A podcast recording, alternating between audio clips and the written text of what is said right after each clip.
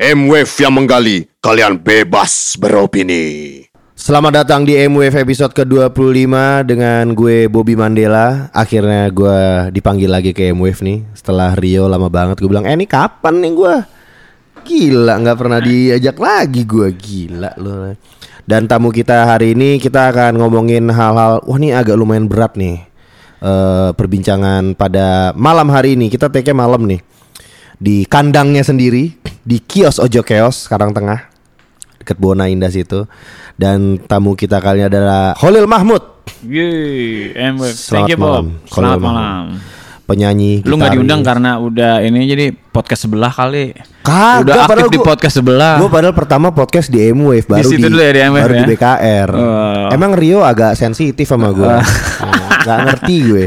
Oke nih Holil nih ya seperti lu tau lah eh, efek rumah kaca, pandai besi, terus sekarang juga gue bisa bilang lu aktivis gak sih Lil? Iya, eh, apa ya? Aktivis artinya apa nih? Kalau aktif, Aktivis sosial, aktivis untuk eh, politik lah. sebenarnya aktivis tuh eh, keinginan, Keinginan. keinginan. Tapi apakah udah aktif atau belum itu eh belum tahu gua. Gua rasa sih capaian-capaiannya itu apakah udah keinginan tuh dalam artian gini ya sebenarnya pengen aktif sih.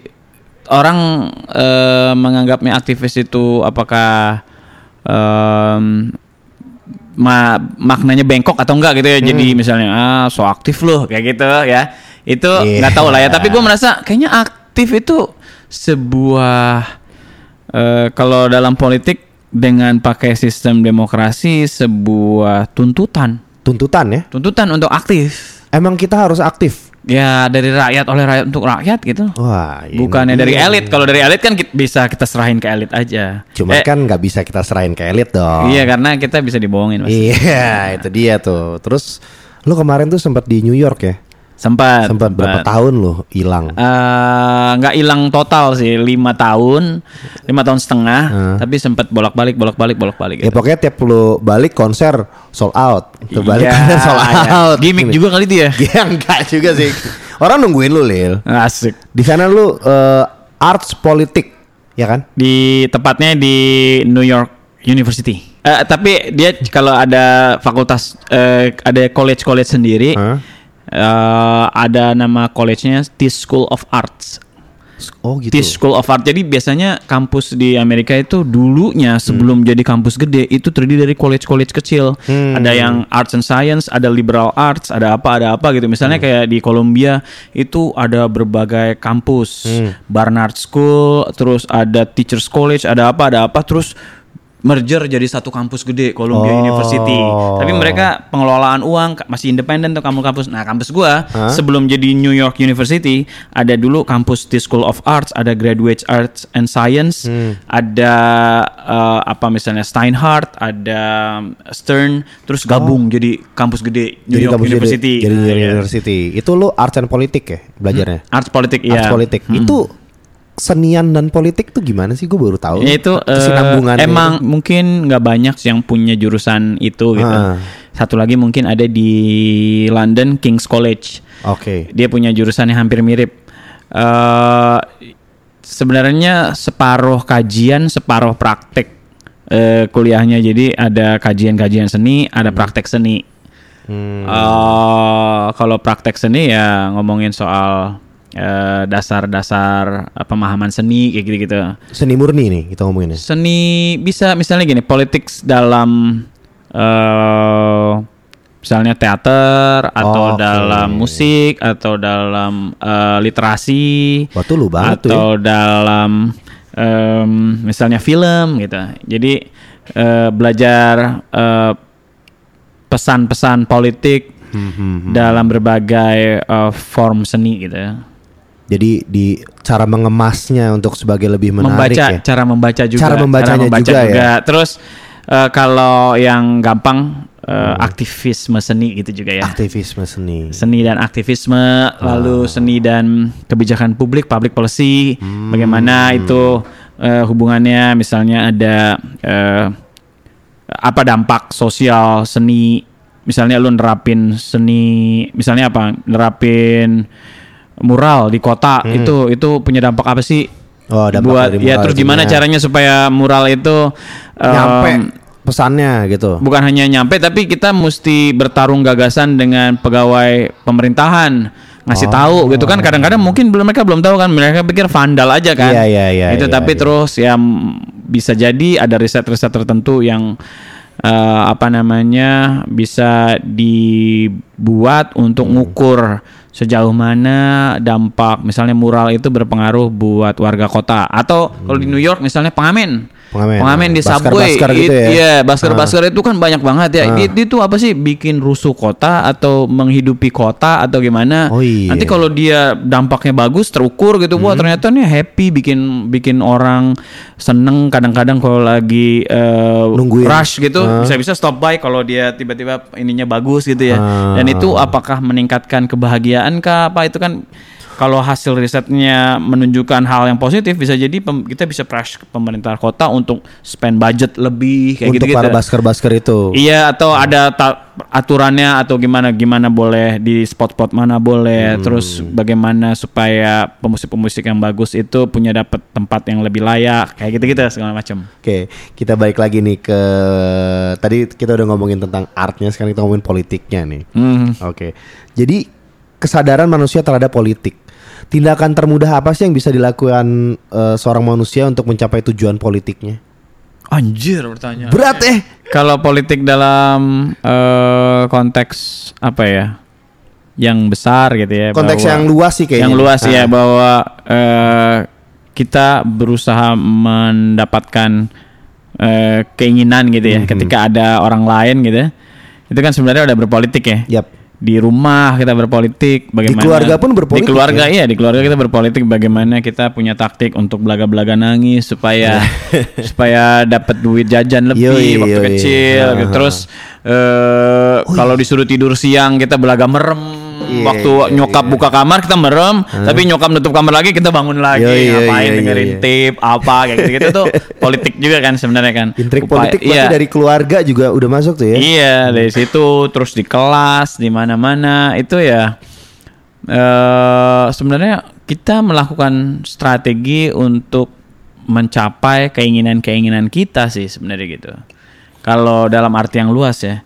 Tapi kalau eh dalam hubungannya misalnya apa sama negara gitu. Hmm? Kalau sama negara ya kita berusaha aktif. Misalnya gini, kalau dalam konteks Indonesia, Hmm. Indonesia pakai sistem demokrasi. Terlepas dari apakah sistem demokrasi itu bagus atau buruk, Iya. kita akan berusaha ikutin aturan main yang diperbolehkan demokrasi Iya. Yaitu adalah kalau yang tadi gue bilang ada dari rakyat oleh rakyat untuk rakyat, rakyat. gitu ya gitu jadi kalau dari rakyat oleh rakyat untuk rakyat sebenarnya dia itu setelannya adalah meminta rakyat kita aktif untuk terlibat setelan dari uh, dari- konsekuensi dari Ah. pakai demokrasi itu Ah.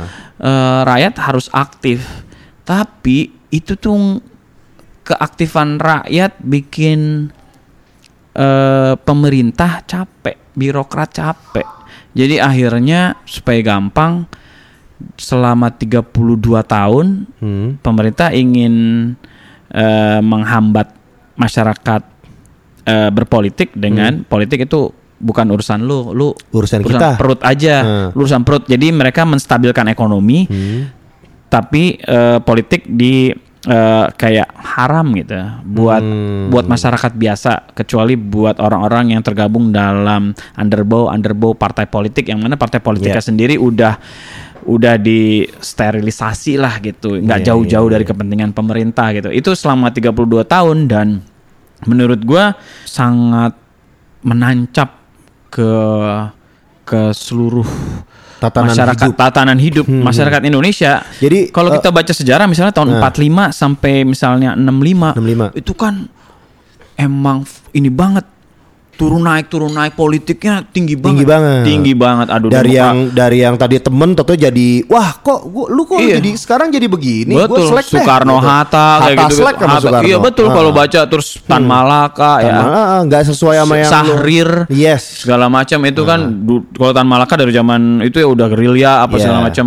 Tapi kalau si Soehart Soekarno Hatta juga Hmm. nggak mulus-mulus amat Yep. itu hubungannya. Terus Sahrir dulu ini sekarang Nasir apa segala macam. Wah itu makanya bener-bener. Tapi itu semua mereka aktif dan mereka punya karena saking aktifnya mereka punya pandangan masing-masing bagaimana negara ini harus dibentuk gitu ya. Hmm. Mm-mm. Dan ada Dan dampaknya memang ada kekacauan apa ya nggak stabil ekonomi ya. Iya. Nggak stabil Jadi ekonomi nggak stabil gitu, turunin kan sempat inflasi Hmm. gitu segala macam kan. Apakah itu berpengaruh dari ketika lu udah mencapai suatu eh, apa ya namanya tempat kekuasaan tertinggi, lu jadi ego lu makin gede dan akhirnya lo jadi semakin semau mau lo.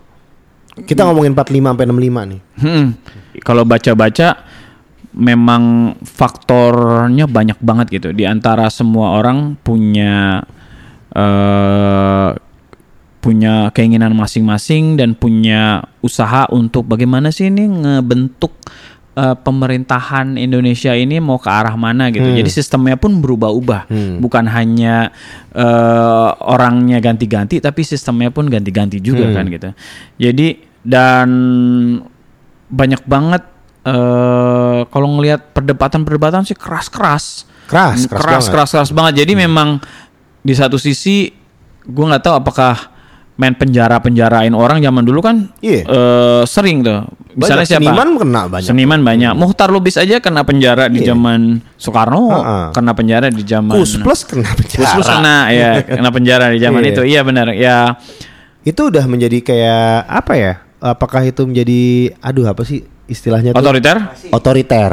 Otoriter iya karena hembusan-hembusan dan merasa punya eh, apa ya power atau dukungan yang kuat gitu.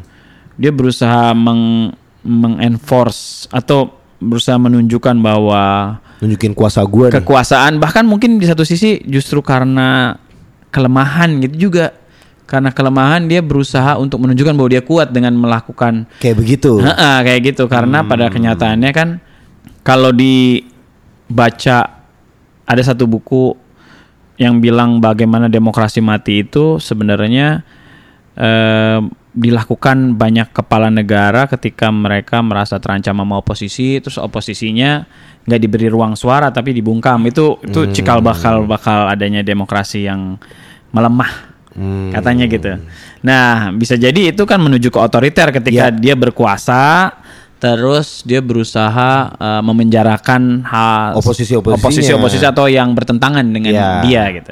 Itu terjadi di negara-negara berkembang biasanya ya. Negara-negara berkembang ya Iya kan? terjadi. Misalnya di di Brazil Oh di Brazil kemarin yang Bolsonaro menang- itu Iya, kan, iya, iya Bolsonaro. menang, Terus si eh, itunya right kan di ya penjara ya, Iya. si apa namanya?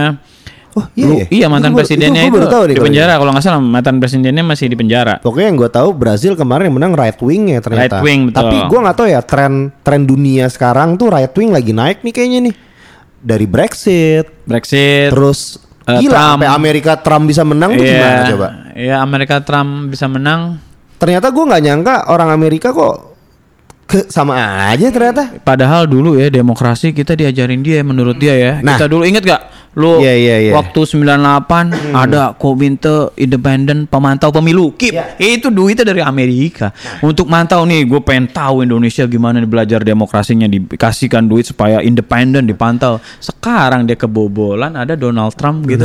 setelah setelah presiden yang menurut orang pertama kali kulit hitam. Iya, padahal tuh udah kayak wah pencapaian nih. Iya, Dari gila pencapaian, ya. banget, Heeh. terus Saleh Hussein bisa ke Amerika Iya. namanya sama itu. Gokil kan? Barack Obama, Barack Hussein Obama. Iya. Oh, Saleh Hussein itu. Saleh Hussein kan waktu itu sempat susah ke sana Iya, dia. jadi gampang ya. Jadi gampang. Iya, gara-gara itu udah pencapaian terus ternyata kok malah makin 180 derajat. 180 derajat. Heeh. Jadi makin ke kanan, makin ke kiri gitu ibaratnya ya. Walaupun Obama juga nggak kiri gitu, tengah gitu. Tapi sebenarnya pencapaian buat kulit hitam pertama presiden ya. Itu waktu Obama kepilih walaupun gue bukan orang Amerika, Ikut cuman happy ya? Ikut happy gue. Ikut happy karena ya? wih akhirnya minoritas bisa, Bisa, loh jadi ini itu, di itu. sini dan gue berharap ternyata di Indonesia eh, bisa juga kayak gitu ternyata enggak ternyata enggak ya. enggak enggak ya enggak sih nah Kalau apa nih Ahok gitu.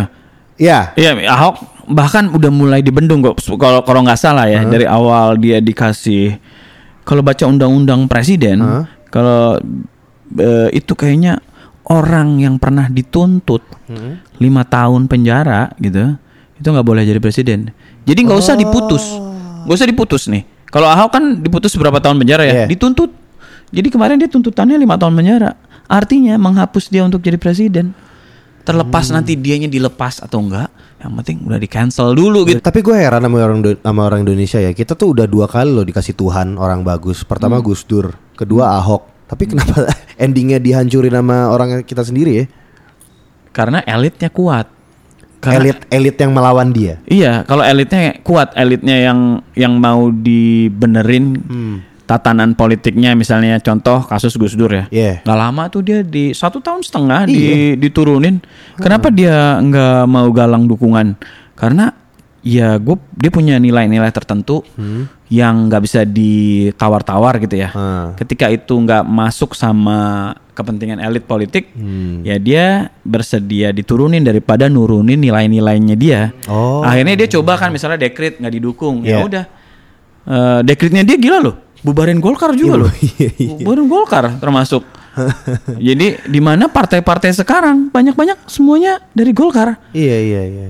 Eh, Hanura dari Golkar, terus siapa Gerindra dari Golkar. Iya iya. Eh, banyak lah. eh, jadi emang kalau itu dibubarin sama Gus Dur dari awal, wah kita bisa punya partai politik yang mungkin punya visi yang berbeda kali ya cita-cita. Hmm.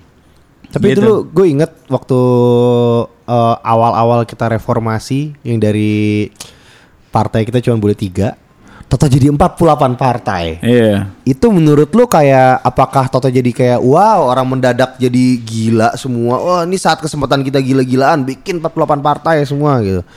Ya regulasinya dimungkinkan begitu kan? Karena dulu pun sebelum jadi tiga partai kita juga banyak partai. Oh, iya, iya. tahun pemilu 55 juga banyak partai. P3 itu kalau nggak salah apa sih? Mas Yumi apa digabung jadi satu kan? Ini penyer penyederhanaan jadi ketiga partai itu juga menurut gua adalah salah satu tindakan otoriter dari pemerintah nggak menurut lu juga? Ah, dia tapi menggunakan eh, mekanisme.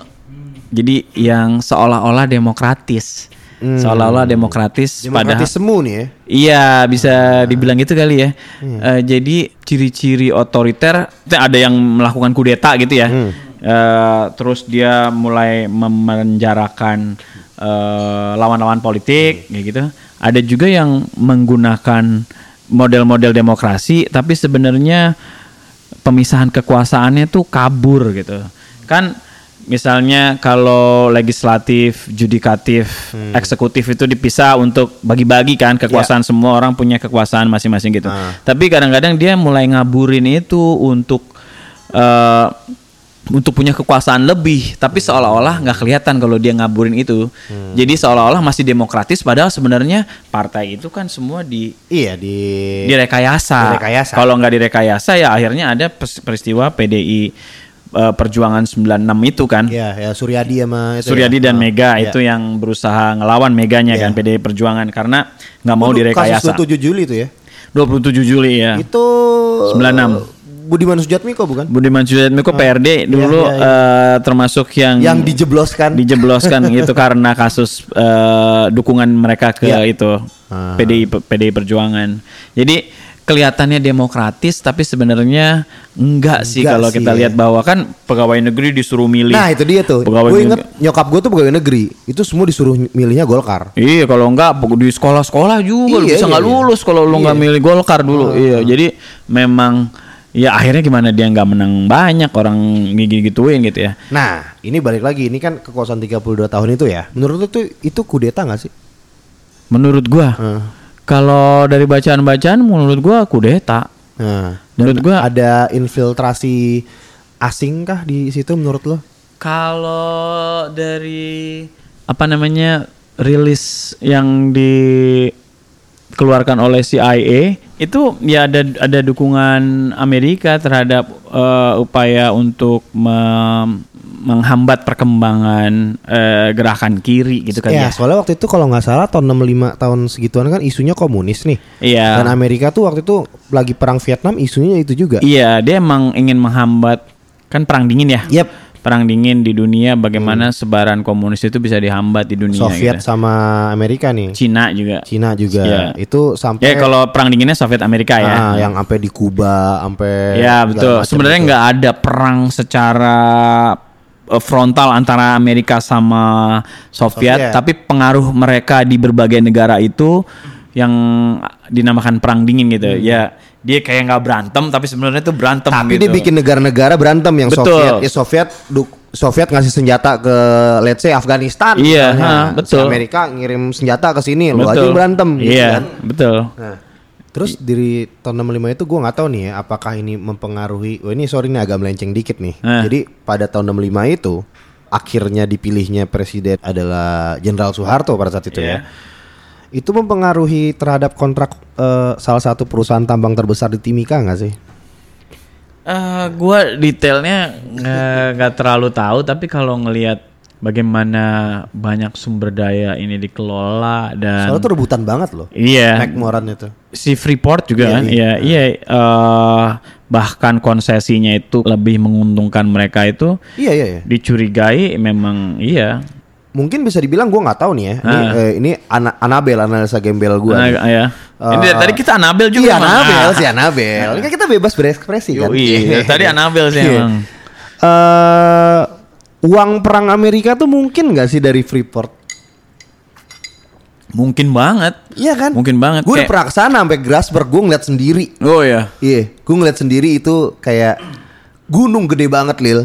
Iya. Dikeruk tiap hari ribuan ton, ra- jutaan ton, ratusan ribu ton per Iya. hari gitu. Dan itu isinya eh, intan, kayak emas, tembaga segala Iya, macam iya. gitu. Dan itu semuanya hasilnya ke eh, Amerika. Iya. Sebelum Jokowi kemarin teken Konsesi untuk ini yang Ah, lebih ah. menguntungkan sedikit gitu ya. yes itu kalau nggak salah nih, gue kalau nggak salah nih, Hah? eh, benerin kalau gue salah.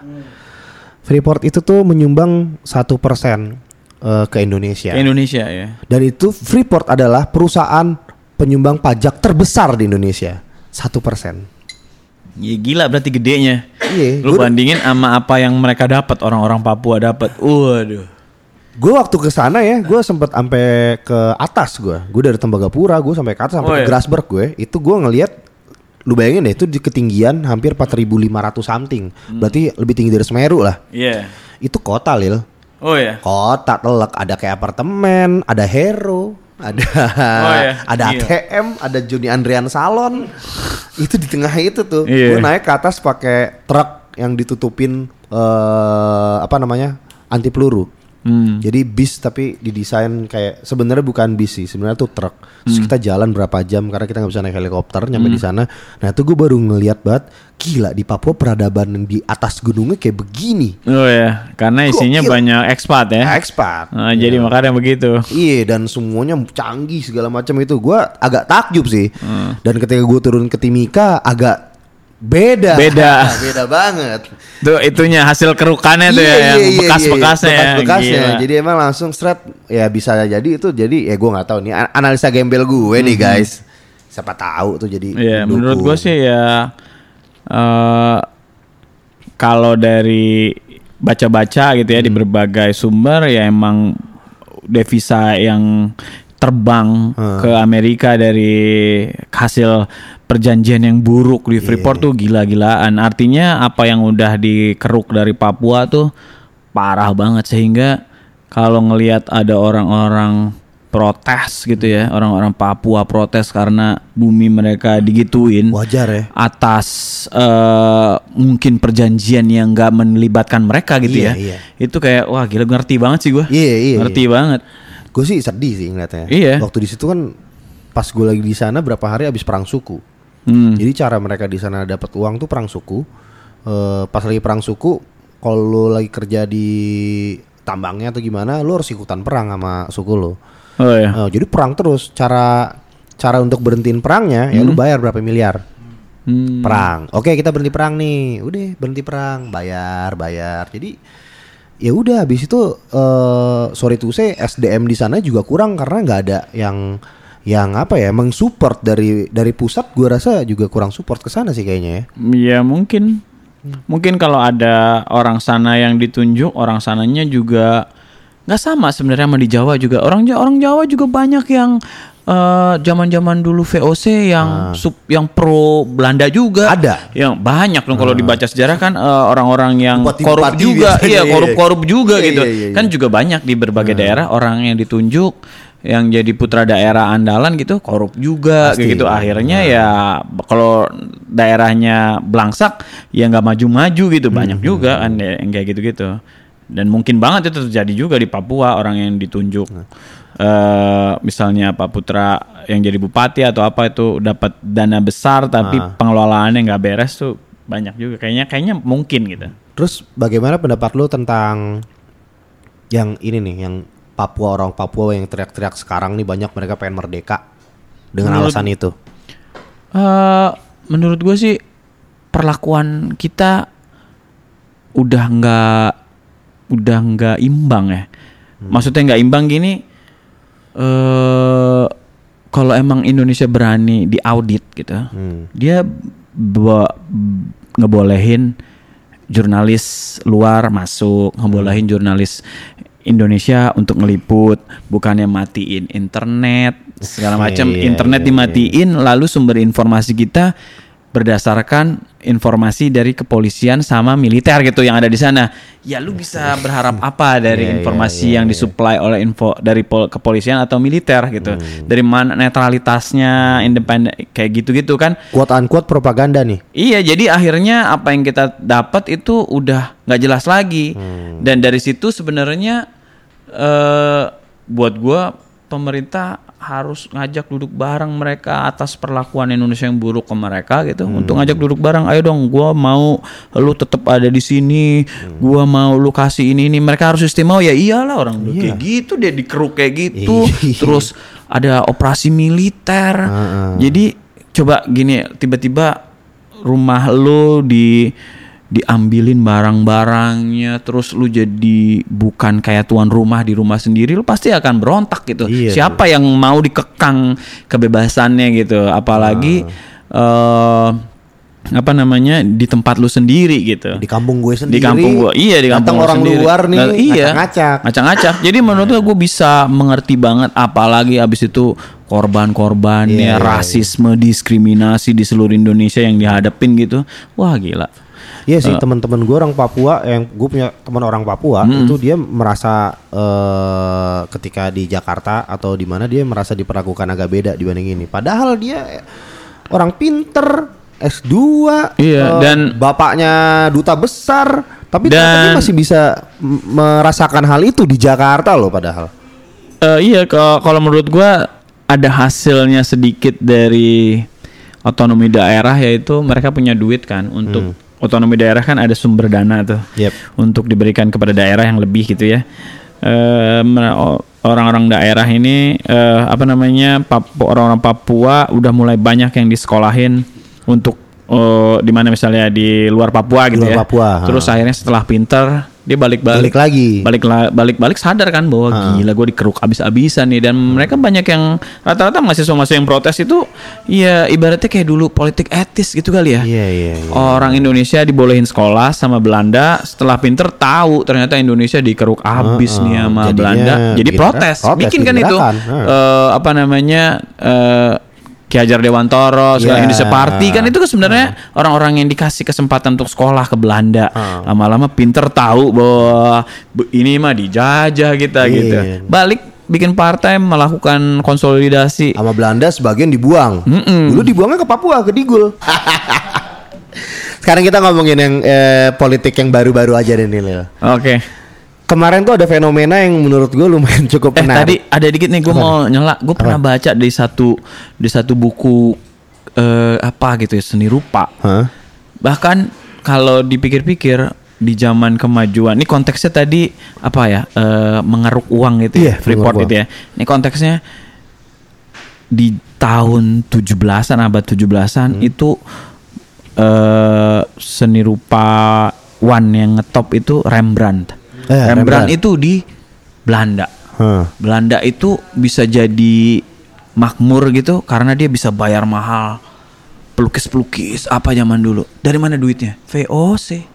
VOC duitnya dari Ternate. Iya dari kita lah pokoknya Iya. dari mana-mana dari Run ya. Iya, iya Ternate, Iya. Endure, Nah, itu artinya apa? Indonesia Dari punya kontribusi dalam scene seni rupa di abad ke-17. Iya, iya, iya, Karena waktu iya, itu iya. yang bikin eh, kehidupan berkesenian di Eropa hype gitu. Iya, iya. Di Belanda pada abad 17 itu yaitu karena mereka punya banyak uang. Uangnya dari mana ya? Dari Pala dan jengkeh. Iya. Ini perlu agak digarisbawahin lagi ya. Kita bukan dijajah oleh Belanda sebenarnya, tapi oleh PT. PT. Iya kan? Heeh. VOC itu PT. Heeh. Jadi itu ya, ya perseroan terbatas. Kita Iya, iya. Bayangin dulu armada Belanda tuh kapal-kapal kalau berangkat ke Indonesia isinya bawa isinya bawa batu bata. Batu brick. Hmm. Buat eh, bricknya itu buat dibikin jalan-jalan atau eh, ditaruh kayak semacam di Koningsplein, Hmm. Monlivet, eh, kota tua sekarang itu itu. Itu kan sebenarnya bata-batanya bata-bata dari itu ya. Karena kenapa? Biar kapalnya balance. Karena abis abis itu itu batu bakal di, dikeluarin ganti cengkeh sama pala. Ya Yang itulah lagi ngetop gitu. sejarah rempah lah ya dari politik kita. Jadi sejarah rempah dikit sama kesenian abad 17 Yoi. Gila. Nah sekarang gue pengen balik yang baru-baru ini nih Lil. Heeh. Berapa bulan yang lalu nih? Fenomena eh, pelajar STM dan SMA yang turun ke jalan saat demo reformasi di korupsi. Apakah itu imbas dari pendidikan politik di keluarga dan sekolah menurut lo? Bocah-bocah nih. Iya. tahu-tahu mendadak. Gue kaget sih sebenarnya. Wih apa nih bocah-bocah? Kalau gua Tahu ngeliat- apa mereka gitu eh lebih ke nggak hanya di situ aja sih. Tapi emang kalau ngelihat ke yang lebih luas lagi, kekosongan narasi kali ya, generasinya kali ya. Terus ada yang memilih untuk terlibat aktif atau pengen tahu politik gitu. Atau ada yang menunggangi? Eh gua nggak menganggap itu ditunggangi sih, lebih ya? kepada ke Mereka pengen ikutan aja. pengen ikutan dan mungkin kesadaran politik juga gitu dalam hal-hal yang lebih kecil gitu ya. Misalnya eh kalau dalam konteks generasi yang berbeda gitu ya. Nih generasi SMP, SMA, eh kuliah gitu. Kalau gua ngelihatnya di dalam eh, bidang yang gua tekuni musik, Hmm. orang nonton band cara nikmatinnya sekarang udah beda nih. Empat tahun belakangan ini menurut gue ya nonton bara suara tuh ada yang crowd surf dulu kan nggak ada. Iya. Itu kan bagi itu kan kesenangan mereka dalam menikmati musik ya. Iya. Abis itu diperkuat sisi tipsi juga orang Iya. crowd surf. Ya, Apalagi sempet- paling banyak fish. Iya. Sekarang fish kan udah bukan crowd surf lagi tapi Iya, iya. diri-diri di barikade nih. Asli. Diri-diri barikade. Ah. Bahkan RK sekarang ada RK, juga. Ah. Tapi itu yang begitu-begitu yang dengerin RK yang baru-baru kan? Iya. Dengerin RK yang lama-lama ya gue ngendon aja di belakang. Bahkan gue udah gak nonton males ah. Gue udah sering kebanyakan main gitu kira-kira ya. Tapi itu bagaimana cara mereka menikmati musik kan? Sekarang udah beda ya. Kan begitu menurut gue nih perbedaan. Itu kan lebih kepada mereka generasi ini punya cara sendiri untuk menikmati musik. Generasi ini punya cara sendiri juga untuk merespon eh, pemerintah yang konyol. Di kejadian apa namanya? Kejadian eh, 24 September yang demo gede-gedean hampir mirip 98 itu. Itu kan nggak terjadi di zaman SBY Betul. nggak pernah terjadi. Ah. Ya eh demo gede 212 ada itu kan Iya. agama gitu Agama, ya. agama, agama. Bukan yang karena memprotes kebijakan politik Iya. pemerintahan tertentu gitu. Bisa Dan dibilang tuh juga demo kepentingan politik juga gak sih? iya kepentingan politik, iya. tapi kepentingan politik Yang yang, dikemas jadi agama. Iya, yang ada identitas keagamaan gitu. Kalau ini kan lebih ke bagaimana tata kelola pemerintahan protesnya karena tiba-tiba di ujung pemerintahan mereka ingin eh, ngegolin berbagai undang-undang yang konyolnya gitu salahnya taktik mereka itu me- apa namanya mencoba menggolkan undang-undang yang mengenai hajat hidup orang banyak kayak eh, revisi KUHP gitu Nah. dan komunikasi uh, publiknya buruk sehingga analisis keluarnya tuh menakutkan Oh ya. buat orang-orang dan terbeli dan rasa marah orang yang udah ada eh apa namanya Makin tersulut. tersulut dan ya berhasil bikin gerakan 24 September Iya, itu iya, iya, itu kan sebenarnya nggak pernah ada dalam Betul. Bahkan sejak 98. Iya. Sejak 98 kejadian lagi 2019. Iya. Kan lama berapa juga ya. tahun tuh? 21 tahun. Iya, baru. 21 tahun itu kan generasi sekarang Yep. yang mostly yang yang ngejalanin. Ah. Ada lah buruh, ada Ah. eh, nelayan, petani gitu ada ya kalau pas di hari H gue datang waktu itu. Hmm. Dan tapi itu anak-anak yang baru pada mungkin kalau 98 nih 9, lahir kali dia. 96 iya 96 sampai 98 itu demo kecil-kecilan di Iya. kampus. Kalau ini kan nggak ada demo kecil-kecilan. Maksudnya Ah. paling ada satu dua kali. Dulu kampus gua mau kampus gua aja belakangan ya. Hmm. Iya. Itu demo di sebelum 98 itu udah demo ada 10 kali kali. Itu padahal kampus kecil. Hmm. Kalau kampus yang udah pusatnya kayak UI segala macam itu udah demo seminggu sekali kali karena emang krisis ekonomi Iya. segala macam. Kalau ini kan nggak ada krisis tapi nggak ada krisis ekonomi ya. Iya, Mungkin ada. krisis kepercayaan iya. Eh, ada kubu-kubu buzzer segala macam itu. Itu akhirnya bisa memicu 24 September yang hari berikutnya menantang anak SMA dan STM Yoi, untuk turun. untuk turun. Sebagian udah ada loh di tanggal 24 itu. Iya. Sebagian anak SMA gue lihat, uh anak SMA nih nggak pakai jaket, celana Ah. abu-abu gitu, udah mulai eh, berkeliaran gitu di Ah. situ. Dan ternyata mereka konsolidasi, gue nggak tahu pakai grup WhatsApp atau apa gitu kali Ah. ya. 25-nya ngumpul. Ngumpul semuanya. Ngumpul dan gila foto-fotonya heroik dan top. Dan itu salah satunya tuh eh, korban nasib si Lutfi Alfiandi tuh. Iya betul, yang bawa pakai bendera ya, yang pakai bayar bendera korbannya. Iya. Itu menurut lu gimana tuh? Ya menurut gua eh kalau secara legal formal mungkin ada kesalahannya mungkin ya kalau legal formal tapi kan dia nggak dalam konteks yang eh, apa namanya berusaha membuat bendera Indonesia jadi terhina gitu. Iya. Itu malah sebuah Itu malah jadi kayak sebuah Iya. kayak icon Iya, icon, icon, dia. icon perlawanan Iya, iya, ibaratnya iya, iya. gitu. Iya, jadi eh, nggak pada tempatnya menurut gua sidang terhadap si Lutfi itu. Itu gua. jadi terkesan mengada-ngada ya. mengada-ngada mencari-cari Nah. gitu, mencari-cari. Walaupun ya kalau nyari-nyari kan pasal-pasal karet bisa dicari di mana-mana iya, gitu. iya, ya. iya, iya.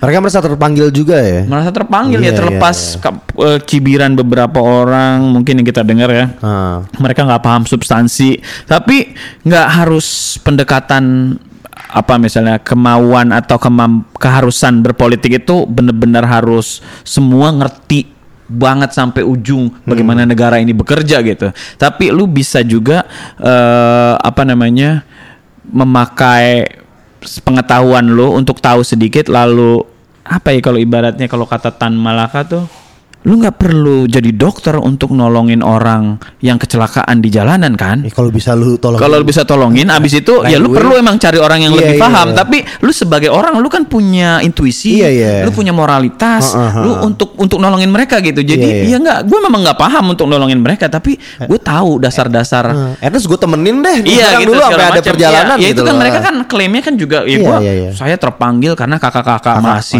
mahasiswa, ah. banyak dila, uh, direpresi pada Iya, hari itu iya. emang parah sih represinya orang Iya. nggak ngapa-ngapain Iya, iya. tiba-tiba menjelang maghrib ditembakin gas air mata yang Iya. brutal gitu. Jadi kalau mereka ikut marah dan mereka terbukti piawai banget di lapangan kan. Wuh. STM kan. Ayo, sini, sini, maju, lu maju. Wah, gila kayaknya, La-. Lagi terbakar-bakar. Iya iya heroik banget Heroik kayaknya Wah, banget mantap gitu. gue ngeliatnya kayak anjir ada foto-foto yang dia naik truk Iya, iya, apa gitu iya, ya dia hijack truk Ah, gitu di hijack kayaknya wah gila keren banget Terus kalau menurut lu bagaimana cara memberi eh, pendidikan politik paling mudah dan efektif bagi anak-anak muda kayak gitu? apa ya mereka tuh sela mereka mesti ada ada satu kemarin kalau nggak salah dua orang atau empat orang ke sini pertama dua terus datang lagi dua berempat ke sini eh, nanyain mau mereka kalau nggak salah ikut di aksi tanggal 25 gitu Ah. terus pengen tahu eh bagaimana sebenarnya diskusi eh, eh, politik lebih jauh lah. Iya. itu akhirnya pengen dia ngadain diskusi terus mengundang ngajak jadi pembicara kayak gitu-gitu sebenarnya eh, bisa jadi alat untuk melakukan pendidikan politik gitu dari kita siapa pun. Sebenarnya kan gini negara ini harusnya eh, mengamanatkan kalau nggak salah ya pak pendidikan politik itu ada di bebannya partai politik tapi partai politik sekarang lu nggak bisa mikirin harapin. itu deh, iya nggak ngirim. Itu nggak ada nggak terjadi. Peran-peran. Malah kalau bisa diperlemah gitu. Kalau Iya, bisa iya, iya. diperlemah mereka eh, cukup mengorganisasi atau punya underbow underbow yang mungkin punya kekuatan fisik kekuatan yang militansi dalam kekuatan fisik ya bukan pemahaman politik. Sehingga mau diajak gerak dan menimbulkan kerusuhan bila diperlukan gitu ya. Iya. tapi bukan orang-orang yang paham politik. Sehingga soalnya gini kalau kalau orang paham politik orang-orang yang dungu-dungu itu jadi susah berkuasa kan karena Iya. orang banyak banyak kritis gitu. Banyak itu kritis. yang mereka nggak mau kan akhirnya peran eh, partai politik sebagai orang yang mem- eh, lembaga yang memberikan pendidikan politik kepada masyarakat Nggak itu nggak terjadi Nggak gitu, terjadi. terjadi dan akhirnya mau nggak mau yang harus eh, melakukan pendidikan politik ya eh, banyak LSM atau eh, aktivis-aktivis yang turun ke orang yang mengalami intimidasi-intimidasi langsung. Contohnya buruh.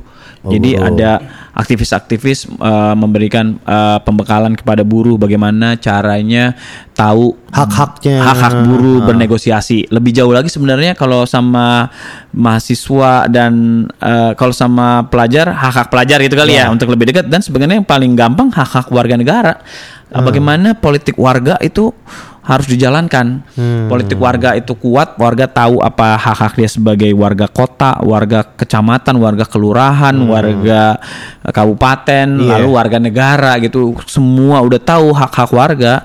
Itu dengan sendirinya kita membangun politik yang tidak eh, apa namanya berpatron kepada satu eh, individu tertentu gitu karena kita masing-masing tahu gagasan-gagasan apa yang baik buat eh, pemerintahan sehingga kalau ada eh, tokoh-tokoh yang awalnya bersuara keras tapi terus dia melenceng kita bisa sadar gitu nggak nggak nggak nggak jadi kultus Kan banyak tuh yang kayak gitu Lil. Ya kalau sekarang menurut gua kultus, menurut gua kultus udah ada buzzer segala macam. Iya. Jadi kayak berusaha eh Intinya sekarang jadi susah percaya nih.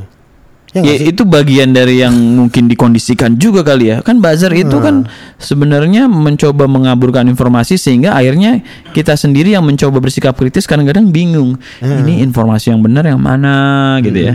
Itu sebenarnya yang paling eh merusak demokrasi. Nah, tadi lu bilang partai politik tuh tidak menjalankan eh, sebagaimana semestinya yang harus memberikan pendidikan politik kepada masyarakat. Betul.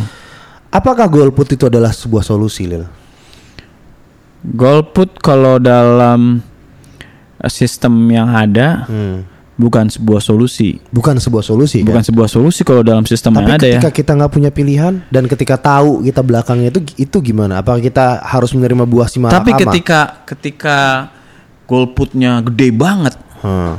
bukan tidak mungkin itu akan mendelegitimasi pemerintahan. Hmm, malah jadi kayak Trump ya? Eh bukan maksud gue gini kalau golputnya gede banget misalnya yang milih eh warga eh eh, warga negara yang yang nggak percaya itu 90% Hah. tapi nggak diberikan akses untuk misalnya ada presiden independen gitu ya Hmm. karena presiden harus dari partai gitu misalnya ya. Terus yang setuju cuma 10% kan yang 10% tetap kepilih kan. Nggak, Tapi kan ngelihat konstelasi 90% gede loh dari Indonesia. Itu kan kita nggak tahu kemungkinannya akan terjadi apa gitu. Nggak, kalau yang gua maksud gua Trump tadi itu, nah situasi di sana orang banyak yang nggak percaya nih, orang muda, Hah? muda yang mungkin sumuran gue, Hah? yang itu itu nggak percaya pemerintah. Ah, fuck lah nih pemerintahan, gini gua nggak mau milih gitu. Akhirnya g- karena orang-orang yang harusnya milih Hah? tidak memilih, akhirnya menjadikan eh, sayap kanan yang mereka yang gampang banget di brainwash atau, eh pokoknya eh, Amerika great again lah segala macam. Ini sebenarnya orang yang harusnya sebenarnya nggak suka sama Trump karena dia tahu ah gue milih Trump milih Hillary juga sama-sama ini nih gue malas milih lah. Akhirnya malah jadinya menang Trump. Eh kayak gitu nggak sih sebenarnya? kalau politik Amerika nih agak-agak eh, faktornya banyak banget. Pertama sistemnya, sistemnya sendiri tuh dia tuh nggak kayak Indonesia loh. Indonesia ternyata lebih demokratis, bukan lebih demokratis sih. Pilihannya adalah kita pilih presiden langsung. Mereka tuh nggak pilih presiden langsung. Dalam artian pilih presiden langsung, tapi ada gini per area, per area itu namanya electoral college.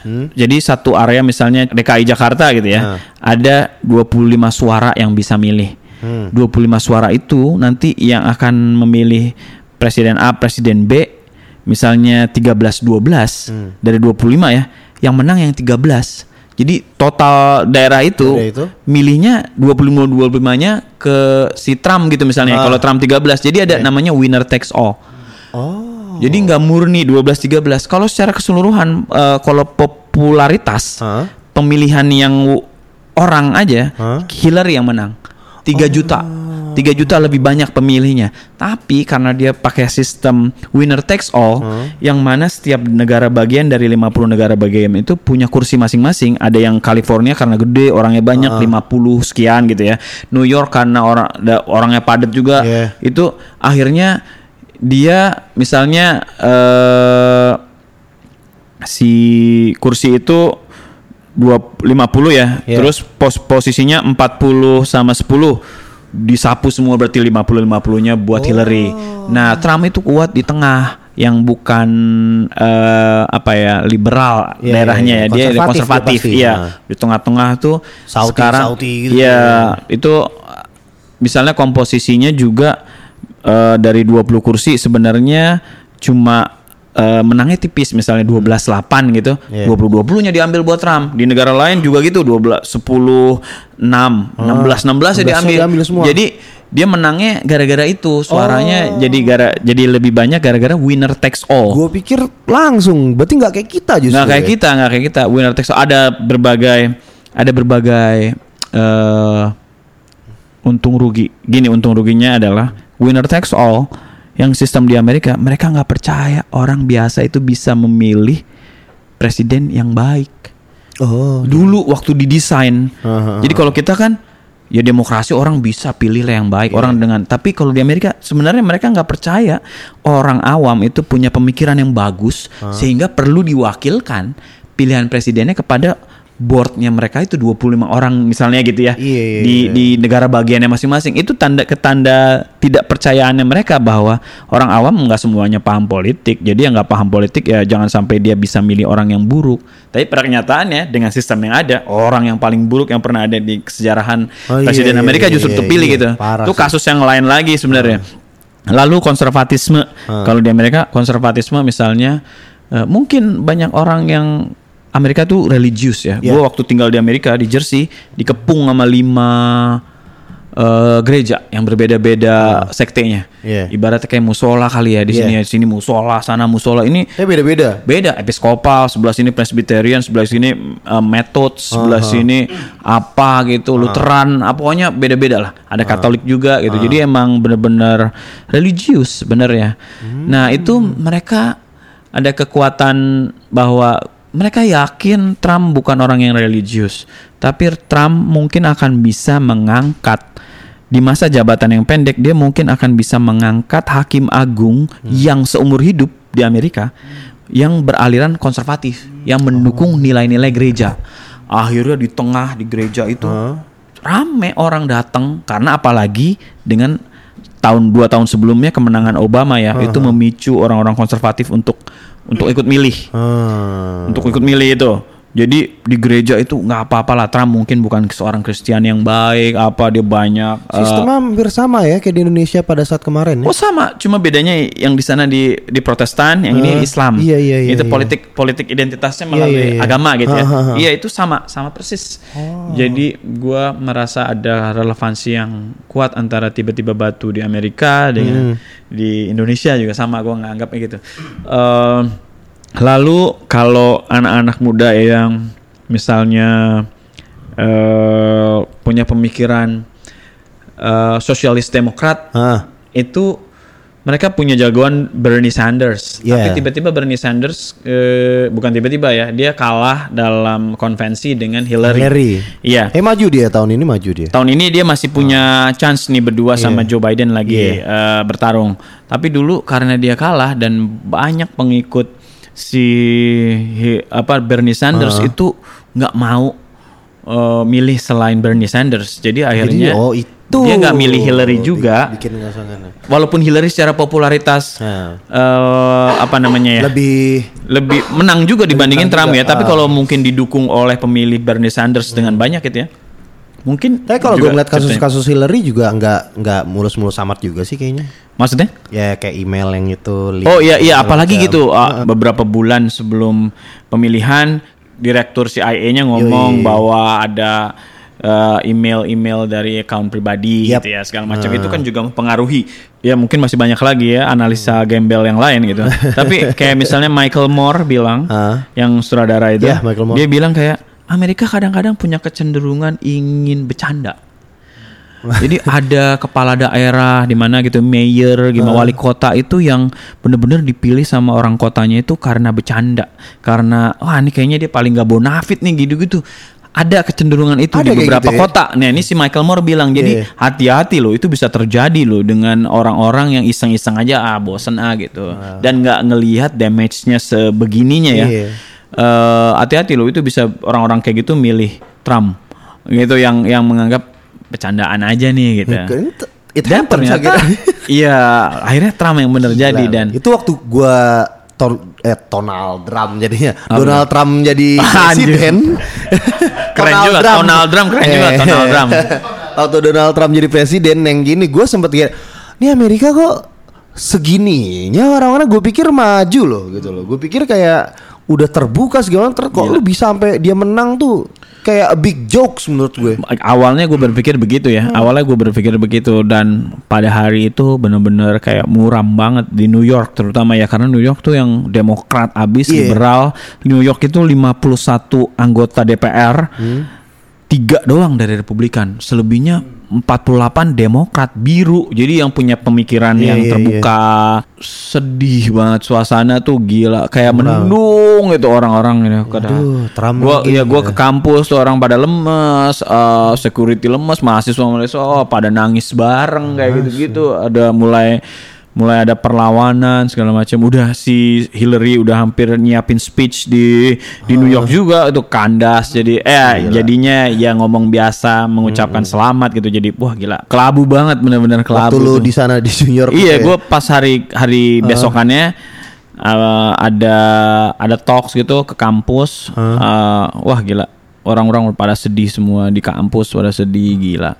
Mungkin mirip-mirip juga dengan di sini gitu ya bahwa apa ya konservatisme atau kegelap mataan itu juga dipicu karena tudingan-tudingan juga makin dinyinyirin Makin orang naik. makin susah kita deketin. Jadi nggak ada dialektika dengan baik karena langsung ada judgement kepada mereka. Ah lu ini lo lu. Ah, lu ini lo, orang Iya, ini lo, males udah ya, labeling labeling itu Iya, akan iya. menyudutkan orang sehingga udah makin sulit terangkul. Ah. udah nggak su- makin sulit terangkul jadinya akhirnya makin apa ya makin makin Ya, nggak makin- bisa diajak bisa ngobrol diajak dan akhirnya Itu- Hmm. udah mereka makin beku tuh Eh, udah percaya sama keyakinannya mereka Hmm. entah keyakinannya mereka menurut kita salah apa enggak Ah. tapi ketika dia di diubah bentuk jadi suara di ballot gitu Hmm. di kotak suara ya mereka akhirnya milih yang itu dan terbukti kan selama masa Obama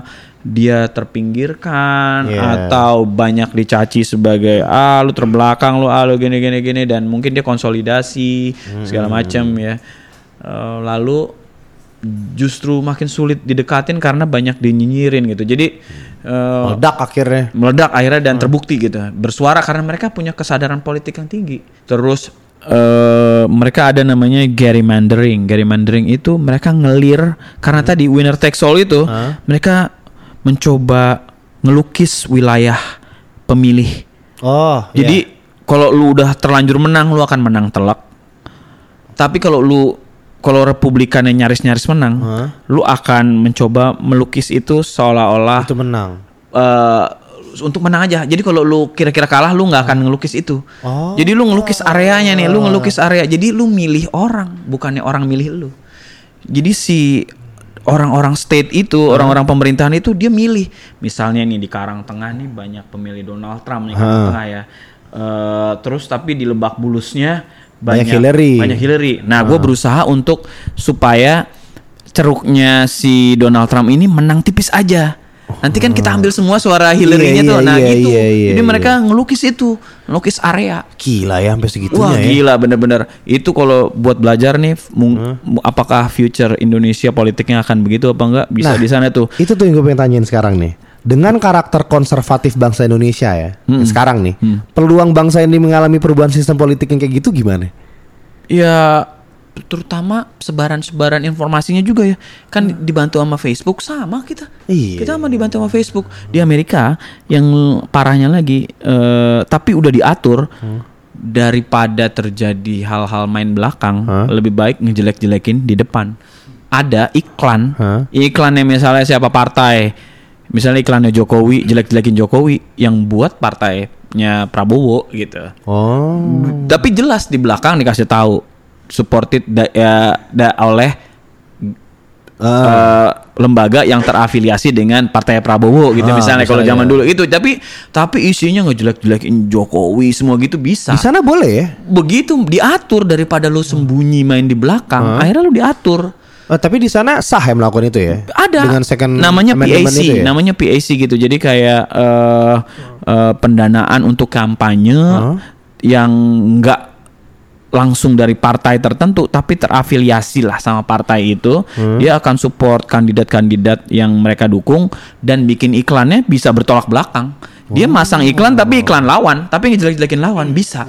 Cuma di belakangnya nanti ada eh, Supported by siapa? Iya ini iklan ini Ya. didanai oleh ini. Oh ini iklan penjelek-jelekan partai. Di antar partai pun bisa perang antar partai Antar pun partai sendiri? iya misalnya tadi Hillary sama Bernie ya Iya. itu lagi masang iklan jelek-jelekin ini yang satu berarti supported by si Hillary, Hillary, satu Bernie. iya kalau dia ngejelekin Bernie mungkin dia supported by Hillary gitu Iya, kali ya iya, iya, itu iya, mungkin iya. banget terjadi dan ada mekanismenya ya karena dibolehin begitu dan di Indonesia kan belum tapi Hmm. sebenarnya kan ada walaupun nggak jujur kita ngejelek-jelekin kandidat lain kan Iya, iya, iya, iya. itu kan tapi nggak diketahui anonim Iya. siapa ini yang Itu ngeluarin ini. terjadi di WhatsApp grup biasanya. Iya di WhatsApp grup, di, Facebook grup, di segala macam. Facebook, segala Itu udah udah terjadi. Cuma masalahnya yang lebih parahnya lagi kita belum belum ada regulasinya untuk mengatur itu Hmm. dan akhirnya nggak jelas ini sumbernya dari mana. Kita nggak bisa menyaring itu. Kalau ini kan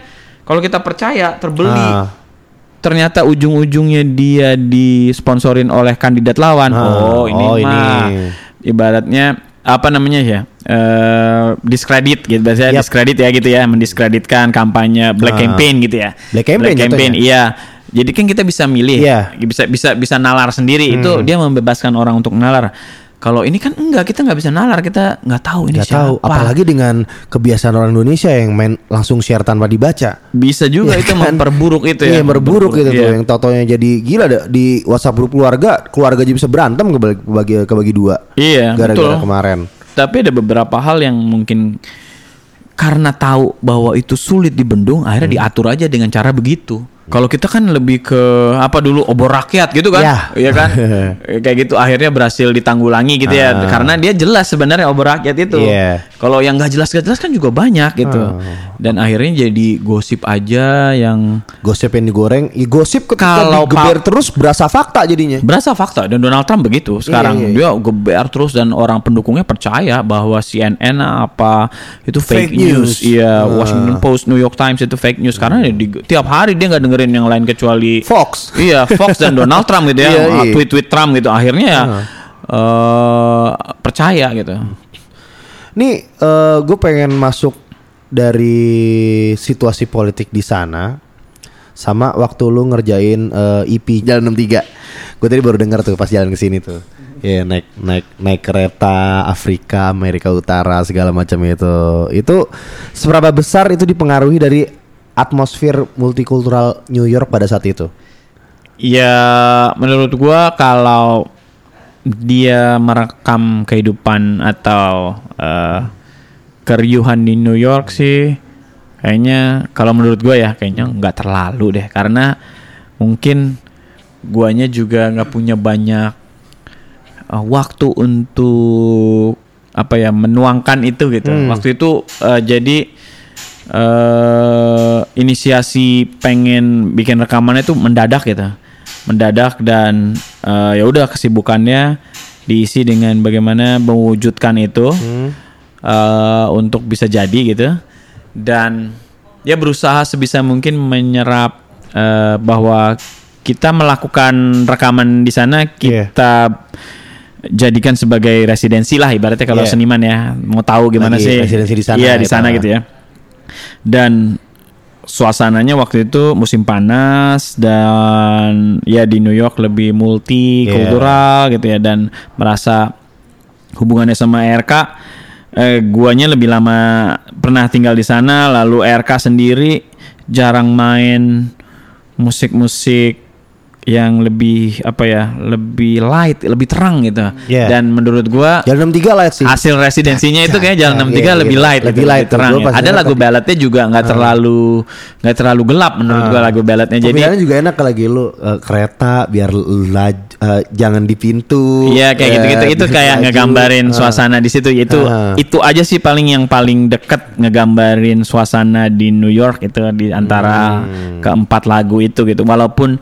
misalnya apa ya tiba-tiba batu itu tadi menurut gua ya Tiba-tiba Batu. banyak orang-orang konser keras kepala gitu walaupun Iya. lu udah dikasih fakta lu eh, nggak apa namanya nggak bergem eh, Lu bergeming, batu bergeming. aja ya lu lu, batu, kan? gitu Batu aja deh. Iya Ada normal yang normal baru. yang baru ya itu kan kayak eh misalnya apa lu mm, peristiwa-peristiwa eh, rasisme diskriminasi itu udah Masih mulai banyak jadi sih di sana, kalau di Lu New York kena nggak? Gue belum pernah kena ya. Kalau di New York itu mulai muncul. Mulai muncul justru. mulai muncul. Jadi artinya dengan adanya pucuk pimpinan yang punya Yang sifat gitu begitu. mereka berani keluar. Oh. terus kayak proud boys proud boys gitu Iya, iya. itu mulai ngadain aksi-aksi kan di New York itu kan ribut tuh sama antifa Yoi. segala macam. Tapi dulu-dulu nggak pernah ada itu. Uh, New York antifanya kuat banget gitu. Uh, tapi sekarang mereka berani karena punya dukungan dari pimpinan dan pasti eh, adalah eh, federal eh, apa namanya official di New York yang pro ke Trump gitu. Sebenarnya kan kalau di Amerika state-nya state-nya blue. Itu artinya dia bukannya partainya Trump gitu ya, Trump red gitu ya. Tapi eh, pemerintah pusat punya orang-orang di negara bagian kan. Nah, itu Punya di kota orang-orang ya punya orang-orang itu. Nah, ya ya. kayak misalnya eh, orang-orang yang nganuin imigran itu Iya. ICE ICE itu. ICE itu. Nah, itu kan orang pemerintah pusat gitu. Itu gila sih itu. Itu itu juga banyak tentangan dari pemerintah kota dan pemerintah provinsi ibaratnya gitu. Jadi emang bertempur terus. Nah, dia dapat dukungan dari pemerintah pusat, berani keluar ini orang-orang eh, apa namanya yang right wing gitu. Right wing-nya. Iya, kalau di tengah wah lebih parah lagi. Alabama gitu. Iya itu di tengah lebih parah lagi mungkin karena memang mereka banyak yang memang redneck, Redneck. rasis Iya, dan iya, ya. iya. Culture-nya udah gitu ya mereka Nah, ya. tambahnya di atas begitu kan, wah Oh. udah makin gila-gilaan racial profiling segala macam, semakin gila. Kalau di New York jadi ada, Jadi ada Nah, justru. jadi ada, ya ada, tadinya ada, ada ya. Ya, nggak mungkin mereka terpendam dalam hati, nggak nggak apa namanya nggak. Tadinya pernah keluar. aja. Iya, gitu paling cuma di apa namanya di internet. Apa sih Ah, biasanya dia tuh punya 8chan sendiri. ya, apa sih idenya ngumpulnya di situs-situs Situs-situs KKK. Iya gitu kayak gitu gitu lah pokoknya. Eh, itu sekarang jadi berani keluar. Ada insiden-insiden rasisme di kereta apa, kereta apa, jalur apa itu kadang-kadang ada gitu. Ada ya. Tapi tapi ya nggak sebanyak di daerah-daerah tengah. Ya kayak di Texas. Iya, gitu, Kentucky, di- ya gitu-gitu, iya. gitu, ya. Kalau Palung Mariana, gila itu itu jauh loh itu. Itu di CNMI, di Saipan, Commonwealth Northern Mariana Island. Nah, Itu lu menceritakan Palung Mariana itu sebagai Palung Mariana itu kayak simbol apa ya sih? Dia tempat terdalam gitu. Lu merasa lu punya penyesalan yang paling dalam, Hmm. tapi nggak bisa. Tetap kalau lu udah maku, maku melukai orang tuh, Hah? bekasnya ada coy sampai Iya, mana iya, juga iya, gitu iya. lu Baretnya lu masih kan ada. masih Iya, ada iya, kan iya, baretnya masih ada. baretnya masih ada itu sih Itu eh, ya. itu sebenarnya kayak lu berusaha menyesal segimana juga ya ada tuh lukanya masih ada rasanya sih gitu Itu ya. kayak kalau Palung Mariana Palung tuh. Mariana. Iya, Gue iya. pas lihat Palung Mariana, wih, jauh-jauh dari New York ke Saipan nih. iya Gila. Kita balik lagi ke masalah relevansi ini. Masih relevan gak sih Lil menurut lu Pancasila menjadi alat pemersatu bangsa sekarang? Anjir. Gokil sebenarnya kalau eh, Soalnya semu loh sekarang gue bilang. Banyak orang kayak kayak ya akhir-akhir ini gue sering lihat video orang marah-marah ke suatu etnik eh, etnis tertentu gitu. NKRI harga mati. Dia ngomong NKRI harga mati itu nggak tahu artinya sebenarnya. Iya. Kayak gitu. Berarti lebih ke pemahaman terhadap NKRI gitu ya. Hah. Dan berarti Eh, dia ngomongnya Pancasila nih. Pemahaman terhadap Pancasila gitu kali ya sebenarnya kan. Masih relevan gak sih? Kalau eh sebenarnya gini, kalau menurut gua bagaimana kita menerjemahkan Pancasila terus juga mencoba eh apa namanya memberi pandangan-pandangan baru, mengartikan pandangan-pandangan baru sesuai dengan semangat zaman kan juga terus berubah ya. Yeah. Misalnya apa? Dulu belum ada di Amerika sendiri kan baru itu dia eh, nggak rasis. Martin Luther King paling tahun berapa? Ya, 60-an. Ya kan? 60-an lah, itu 60-an. kan baru, nggak Iya. nggak nggak dari tahun 18-an mereka Enggak, udah enggak, begitu. enggak. Mereka Iya. perbudakan masih. Yo, tahun Nah. 50 masih cotton field. Iya kan Muhammad Ali abis Muhammad- juara ma- nggak bisa masih nggak bisa beli nggak bisa apa tuh berdiri deh, nggak bisa beli kopi apa nggak bisa masih- beli roti ya gue masih lupa Cassius Clay waktu itu iya masih Cassius. Clay nggak Nah, boleh dia nggak boleh dia marah itu dia dari slavery segala macam itulah muncul body guy dengan Iya, betul. gitarnya dan muncullah blues and rock and roll. betul nah itu jadi kayak eh, itu dites kita terus men-challenge eh, mencari nilai-nilai yang paling sesuai sama semangat zaman gitu. Nah Indonesia juga kayaknya harus terus mencari pemaknaan-pemaknaan baru terhadap eh, Pancasila itu sendiri bahwa berbagai apa namanya upaya mengartikan itu sekarang mengarah ke konservatisme harusnya mesti dilawan oleh orang-orang yang punya pemikiran yang lebih moderat dan liberal dengan sama-sama eh, berdialog soal ngomongin bahwa enggak enggak gitu Pancasila mungkin masih relevan tapi dengan pemahaman seperti ini gitu. Misalnya bahwa hak asasi manusia itu udah sebuah konvensi bersama gitu ya. Tapi kan nggak tercermin di bagaimana itu dimaknai seolah-olah itu adalah nilai-nilai Barat yang nggak sesuai dengan nggak sesuai eh, dengan Indo- sistem Indonesia yang sistem Indonesia gitu. Ah. Padahal sebenarnya kan justru itu nilai yang universal. Kita Ah. cari pemaknaan yang baru yang mungkin sesuai dengan Pancasila dan memang harusnya nggak ada pertentangan kan? Iya. Kemanusiaan yang adil dan beradab gitu ya. Iya, nggak ada bertentangan Eh, sih. Apa namanya?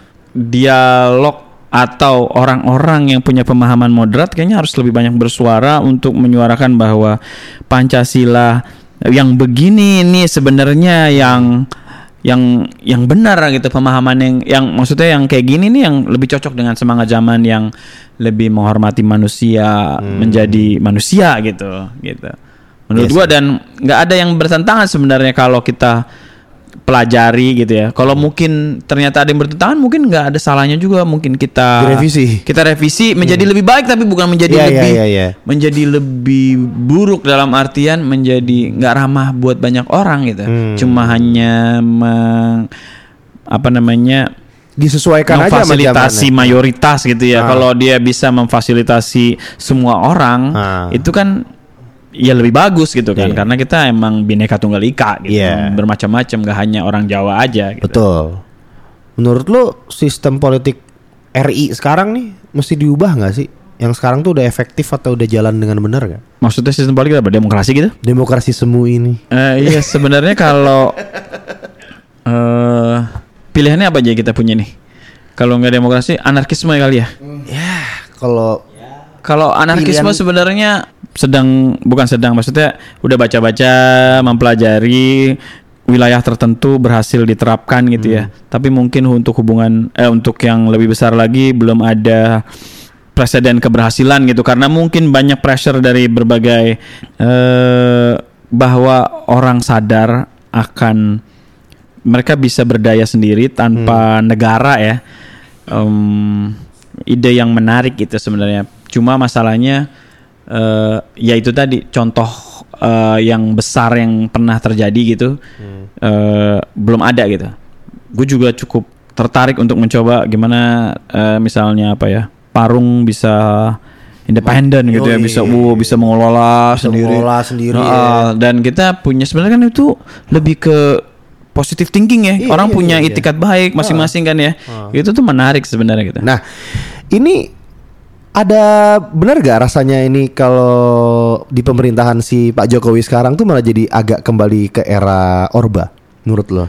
Hmm, Dengan jadinya kayak sistem pemerintahan yang kayak sekarang gitu. Yang menurut gua pribadi nih ya, gua mau kali gua pribadi jadi kayak oligarki.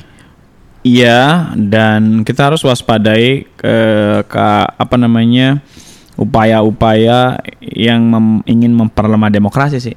Sebenarnya kalau gua ngelihat ini udah kayak kan demokrasi itu ngebagi-bagi kekuasaan ya supaya nggak ada satu eh, lembaga yang yang powernya itu lebih besar Yes. gitu. Legislatif punya porsinya, yudikatif punya porsinya masing-masing. Hmm. Tapi misalnya gue udah melihat kecenderungan eh dari pertama waktu aksi 24 September itu eh, KUHP kan. KUHP eh, sepengetahuan gue itu sudah di- diberikan lampu hijau oleh eksekutif oleh presiden untuk dijalankan itu. Jadi itu bolanya ada di legislatif, di DPR. DPR mau nyelesain itu aja. Udah waktunya ketok palu itu. Bahkan kalau nggak salah Fahri Hamzah pengen ngetok palu sebagai wakil DPR pengen RUU KUHP disahkan di era itu sebagai legasinya dia karena habis Iya. itu dia mungkin nggak maju ya. Tapi intervensi kan presiden janganlah itu jangan diketok. Itu kan artinya apa? Dia bisa menguasai DPR. Itu kan artinya mulai campur baur kekuasaan yang tadi terpisah itu Jadi- mulai campur baur Aha. bahwa DPR eh bahwa presiden punya kekuasaan kan ada di porsinya masing-masing. Iya. Misalnya dia ya itu tadi melaksanakan pemerintah dia mengajukan usulan-usulan eh, pembuatan undang-undang, tapi Iya. kan DPR punya kekuatan sendiri. Punya kekuatan juga. Nah itu DPR. kekuatannya harusnya kan dijaga sama DPR enggak Ah. diintervensi. Udah RUKHP itu meresahkan masyarakat Iya, nggak gitu. usah lah. Nggak usah di stop. Akhirnya beneran di stop. Itu kan artinya udah mulai lebur nih kekuatan pemisahan kekuasaannya mulai lebur gini ya. Terus misalnya DPR itu punya eh tata cara pembuatan perundang-undangan Iya. Itu yang kita pakai sebagai argumentasi RUU permusikan tuh. Nah, Tata cara tata cara peraturan ini nggak nggak nggak partisipatif, nggak mengundang orang banyak nih RUU permusikan nih harus kita Udah lawan. buru-buru lagi. Buru-buru eh, RUU permusikan iya gitu, pengen digolin segala macam ya. Ah. Terus akhirnya dengan kekuatan sosial media dan mungkin musisi-musisi punya banyak follower gitu Turun ya. langsung. Akhirnya secara dominasi di publik juga kuat dukungannya kan. Hmm. Iya. Akhirnya berhasil Jadi. digagalkan kan. Tapi kalau itu RUU permusikan adalah undang-undang yang seksi gitu, yang yang maksudnya tempat mereka yang basah gitu Hmm. Iya. ya. Gua rasa kalau mereka mau golin golin aja. RUU KPK yang eh, revisi undang-undang KPK yang nggak ada di rencana Hah? eh, prolegnas ibaratnya rencananya itu namanya prolegnas ya. Itu nggak ada di prolegnas dalam waktu 11 12 hari Bisa gol-gol aja. Gol-gol aja ya. Artinya kalau mau RUU permusikan juga bisa gue golin lu mau ngomong apa si Ah. eh, siapa pun itu mau kampanye Danila JJ siapa mau kampanye eh, nggak ngaruh kalau gue mau ketok ketok aja buktinya revisi undang-undang KPK udah sampai mahasiswa demo 24 September tuh Iya. demo kan bahkan tokoh-tokoh pemerintahan pada ke istana Istana. terus sampai bahkan setelah undang-undang itu hampir diketok gitu ya Ba- bukan diketok sih udah diputus terus Hmm. Menunggu disahkan. aktif ya menunggu itu jadi undang-undang sebulan itu orang ke sana kan untuk minta orang-orang tokoh-tokoh Iya. negara gitu ya eh minta supaya mungkin menerbitkan perpu gitu terus ternyata nggak diterbitin juga itu kan Dekret tanda kek, apa kek gitu. Iya, perpu untuk membatalkan Iya. itu ya atau itu kan menunjukkan bahwa gue bisa nih, lu mau apa, gue mau apa aja gue bisa, lu mau apa lo gitu. Jadi gue merasa setelah RU revisi KPK itu dalam 11 hari 12 hari bisa gol. Ya kemarin RU permusikan di fura aja karena memang nggak ada yang nggak ada yang merasa itu basa-basa amat nih. Iya, nggak ada yang merasa ya udahlah ya. Tapi kalau RUU KPK kan gila. Iya. Orang yang mau lagi kongres ditangkap karena kena kasus bawang putih. Iya. Terus banyak lah orang-orang anggota DPR semua juga Iya, yang iya, ditangkap kena. gitu. Jadi karena itu penting banget buat mereka sehingga dalam waktu 12 hari dirancang yang nggak ada di prolegnas, walaupun upaya-upayanya perevisian itu ada terus ya, Hmm. tapi sebenarnya nggak ada di prolegnas dalam waktu 12 hari jadi. karena Gila itu ya. arogansi itu dan akhirnya dia arogansi itu kan akhirnya dia melabrak undang-undang tata eh, cara pembuatan undang-undang itu Iya. sendiri yang udah disusun sama mereka gitu. Ah, itu kan ah. artinya Lu nyalahin aturan yang lu bikin sendiri. Dia ngelangkahin aturan yang udah aturan main demokrasi itu sendiri yang udah Iya. dibuat lu langkahin sendiri demi kepentingan ya sekelompok elit gitu. Hmm. Itu udah merupakan tanda-tanda berbahaya sih menurut gua dan yang misalnya pelemahan KPK Hmm. dari dalam, dari luar, dari regulasinya udah terjadi gitu.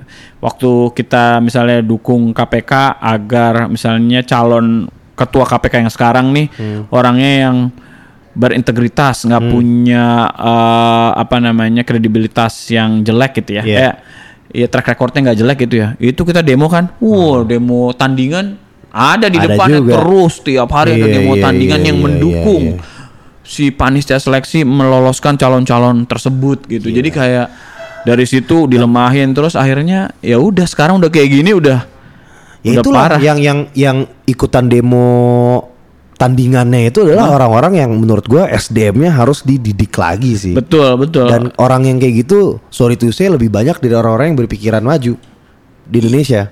dan kalau dia nggak aktif masih mending. Ini mereka aktif. Aktif. Aktif di dunia di jalanan dan aktif di sosial media juga. Ya karena HP Cina sekarang murah. Yoi, itu- Heeh. itu Dia akhirnya- dia- mereka bisa beropini dengan Heeh. dengan kuota mereka itu gitu loh. Lu, dan- lu dengan uang satu juta lu dapat smartphone sekarang. Iya. Mereka udah bisa ngomong apa pun mereka mau di situ. Ini menurut gua salah satu gimana ya? Ya inilah era informasi, informatika segala macam itu, itu plus minusnya itulah. Iya tantangannya sih tantangan demokrasi sekarang. Eh ya tambah lagi ada internet gitu ya walaupun kita semua mendapatkan banyak manfaat tapi juga mendapatkan banyak racun juga toksik juga itu kalau kita nggak puasa-puasa nggak pinter-pinter pilih-pilih ya. Iya iya iya. Ya, Tapi kalau gua nggak tahu nih ya kuat apa enggak kita ya. Kalau belajar dari pengalaman di Amerika berarti sebenarnya yang harus dikencengin itu dialog sama orang-orang yang mungkin berbeda pandangan. Karena kalau kita mencibir, nyinyir, Iya. eh, mendiskreditkan mereka karena pemahaman mereka mungkin menurut kita katro, norak, eh, rasis, diskriminatif itu tapi dengan kata-kata yang nggak pas juga nggak akan mengubah mereka, nggak akan merangkul bisa merangkul mereka dan dan akhirnya makin yang kanan makin kanan, yang kiri makin kiri, yang apatis makin apatis, gitu. Jadi nggak tercipta tuh prasyarat demokrasi yang bisa membuat demokrasi jadi berjalan baik, yaitu adalah terlibat aktif masyarakat terlibat aktif di dalam Dialog misalnya. pemerintahan. Pemer- Iya, oke. dalam terlibat aktif dalam pemerintahan kan sebenarnya iya. baik itu memantau jalannya pemerintahan, m- ikut pemilu, ikut melakukan Hmm. eh, hearing, ikut melakukan termasuk protes demonstrasi itu ya. Tapi nggak tau ya Lile Itu susah nggak sih kalau kita melakukan dialog sama orang-orang yang udah saklek kayak gitu Susah, Apalagi susah emang. Apalagi orang-orang yang mengatasnamakan Gue proletar nih gue miskin Gue miskin gue berhak ngomong apa aja yang serah gue Gue yang paling gue paling susah main dia lu Lu enak lu ngomong-ngomong di kamar susah, ber-AC Susah, Gitu susah kan? banget. Susah benar. Gue nggak bilang itu eh, gampang dijalanin. Iya kan? Tapi pada kenyataannya hal itu juga yang membuat makin terpolarisasi. Itu tadi kalau gue nggak, kalau maksud gue eh, orang-orang yang bertarung di sosial media kan ada ya orang-orang yang bertarung di sosial media Iya. untuk atas pemahaman tertentu ya berusaha membela pandangan-pandangan yang mungkin Menurut dia eh, benar. menurut dia benar dan dan mungkin kita tertolong sama dia gitu ya. Ya karena dia aktif menyuarakan eh, apa sih sebenarnya yang harus kita lakukan demokrasi ini kayak gimana ini pemerintah ngaco kayak kayak gitu kan. Hmm. Terus diserang kayak gitu-gitu kan. Iya. Dia kan terus berusaha untuk ada dialektika bahwa nggak hanya satu suara gitu. Dan gue bisa eh, maksudnya tahu banget dan mengapresiasi banget tuh orang-orang yang kayak gitu. Gue nggak terlalu main sosial media soalnya. Dari awal memang nggak merasa eh, kuat gitu. Iya. Eh, tapi kalau itu nyebelin gue juga bisa Tersen- ngerti Bisa tersentil nger- juga lu? bisa enggak maksudnya kalau itu tadi yang lu bilang Oh, bahwa iya, iya, kayak iya. gitu tuh gue ngerti banget karena Iya kan? gemes kalau gue baca misalnya orang komen ini kalau dalam politik Amerika Iya, tuh iya. wah gemes banget nih orang ngomong apa Trump 2020 Trump 2020 Iya, kayak gitu iya, wah iya, pokoknya iya, yang iya, iya. Kayaknya kayak susah banget diajak ngomong. Iya, iya, Tapi iya. kalau pada kenyataannya orang-orang itu makin mengkristal kalau disin disudutkan, disalah-salahin, Malah makin batu dong. makin batu, Heeh. terus ya udah ini akhirnya akan jadi semakin Iya. chaos Iya sih. takutnya gitu Nah, kayak kayak lagu lu itu, yang Iya. Itu. iya takutnya jadi begitu akhirnya nggak ketemu ketemu deh kita ke arah yang lebih Baik. mm, moderat Lebih gitu ya, moderat lebih- lah. iya lebih baik lah ya Pluralisme, toleransi, Iya, segala iya. macam. yang yang yang ramah buat semuanya gitu Iya ya. iya iya iya. Terakhir deh nih Lil. Jadi tuh masih pantas nggak sih kita percaya dengan pemerintah atau masih pantas nggak sih kita berharap? eh kalau gua caranya dengan dites sih. Kalau pertanyaannya pantas, yang tadi fungsi partai politik itu yang nggak jalan, mau nggak mau, Hmm. fungsi itu ada harus diambil oleh orang-orang tertentu dan bagaimana caranya siapa pun yang ngejalanin itu, bagaimana caranya agar politik warga kuat. Politik warga kuat tuh orang tuh tahu hak-hak mereka sebagai warga negara dan mau memperjuangkan hak-hak mereka sebagai warga negara. Jadi ketika pemerintah udah nggak pantas, kita harus menunjukkan suara kita bahwa lu udah nggak pantas. eh, gua dukung lagi dengan berbagai macam, nggak nggak milih dia. Kalau dia udah terlanjur kepilih, kita eh, pantau. Kalau dipantau nggak bisa kita melakukan protes. Kalau protes nggak bisa kita demonstrasi. Kalau demonstrasi nggak bisa kita perlu melakukan hal-hal yang lain ekstra parlementer mungkin. Hmm, jadi kayak dulu lagi nih. Iya mau nggak mau. Mau nggak mau ya? Mau nggak mau karena kalau menjurus ke sana, apalagi waktu awal-awal ketua MPR terpilih, mereka akan me- misalnya wah kayaknya kita perlu balik ke GBHN nih. Waduh, Presiden sebagai mandataris iya, iya, MPR iya, kan. iya, iya, Dan terus iya. ada juga ada juga gelagat Dwi Fungsi Abri mau balik lagi. di fungsi ABRI at- udah banyak suara kan Iya, iya, banyak iya. militer kan dokter Oh, militer iya. menteri agama militer Iya. mantan Ah. Eh, terus mungkin yang perlu ditakutkan lagi jadi mau diubah tiga periode ada kan Iya, ada, ada, kan? ada, ada, ada, Wah, itu ada. kan kayak wah yang lu takutin Orban Sampai ada ini loh, muncul nih. Menteri khusus investasi sekarang. Iya, tuh. Luhut kan? Iya, iya. Jadi kalau eh, kalau dibilang nggak pantas untuk dipercayai, Hmm? Gue sih udah skeptis, udah Oh, lu udah skeptis udah, ya? udah nggak percaya. Tapi gue pengen Hmm. politik warga jadi kuat gitu, Politik warga ya. jadi kuat. Jadi pengen ada pendidikan politik yang banyak kepada masyarakat gitu, Hmm. agar mereka mereka tahu apa eh, yang harusnya jadi hak-hak mereka, Hmm. apa yang udah mereka berikan ke negara gitu, Hmm. apa yang harus dia berikan ke negara, apa yang dia harus kontribusikan buat negara dalam konteks demokrasinya ya gitu ya. Jadi setelah itu punya kesadaran Hmm. politik yang bagus, gua rasa paling tidak kita bisa mulai membangun gerakan yang kuat untuk bisa memantau jalannya pemerintahan dan melakukan aksi-aksi yang diperlukan. Ya semuanya Iya, semua. orang penulis melakukan itu, Penulis. pembuat film melakukan itu, terus bangkir melakukan itu, terus Hmm. Tokoh agama penting sih Tokoh agama itu. melakukan itu, terus supir ojol Kalau apa, bisa ya. driver ojol apa siapa melakukan itu. Jadi memang kalau udah udah punya Udah tahu. kesadaran politik yang merata, itu kita juga udah diskusi-diskusinya udah pada level yang lebih tinggi lagi Eh, gitu. udah nggak bisa lagi yang mentok ah gue udah nggak bisa nih ngobrol Udah, sama dia. iya. dia udah batu banget. Iya. Nah, gitu tuh. Thank you banget Holil Mahmud Sama-sama, di thank you. MWF episode yang ke-25 ini ya. Luar biasa udah main di kios Ojo Keos nih lo lo mau kalau kalau ketemu Holil dia tiap hari ada di kios Ojo Keos lo mau ngobrol sama dia datangnya di sini. Buku banyak buku bagus. wah,